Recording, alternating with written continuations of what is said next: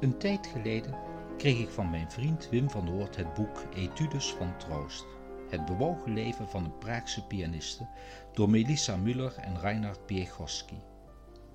Het boek gaat over Alice Hertz-Sommer, die in 1903 in Praag werd geboren tijdens de Habsburgse monarchie. Zij groeit op in een liberaal Joods gezin waar schrijvers, filosofen, schilders en acteurs over de vloer komen, zoals Sigmund Freud en Frans Kafka. De laatste is als een oudere broer voor haar. Rond haar twintigste is zij de beroemdste pianiste van Praag en trekt zij in heel Europa langs concertzalen. De nazi-dictatuur maakt een einde aan haar carrière en als haar moeder in 1942 gedeporteerd wordt, raakt zij in een zware depressie.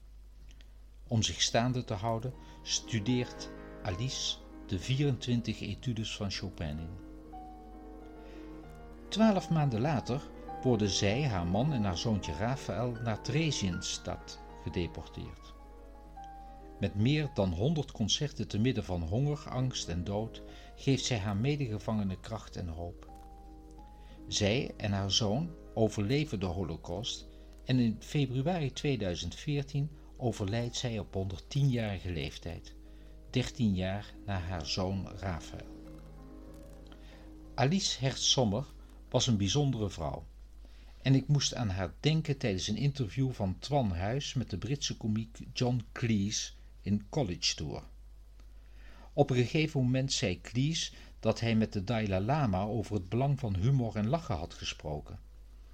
De Dalai Lama zei dat je door humor en lachen flexibeler in kon spelen op je omgeving, omdat de weg daartoe door lachen werd ontsloten.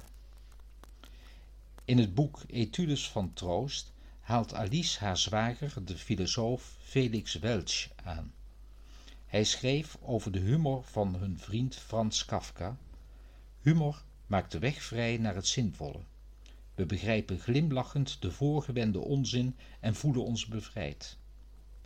Humor als een vorm van zelfkritiek waarmee je afstand schept tot jezelf en waarmee je het samen zijn van mensen veraangenaamt.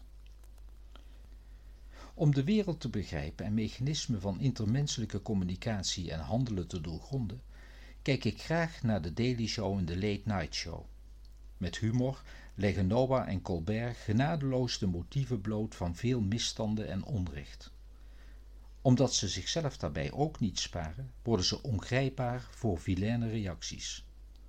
Humor als antibioticum tegen haat. Ik kan het iedereen aanbevelen. Het zou de wereld een stuk transparanter en plezieriger maken.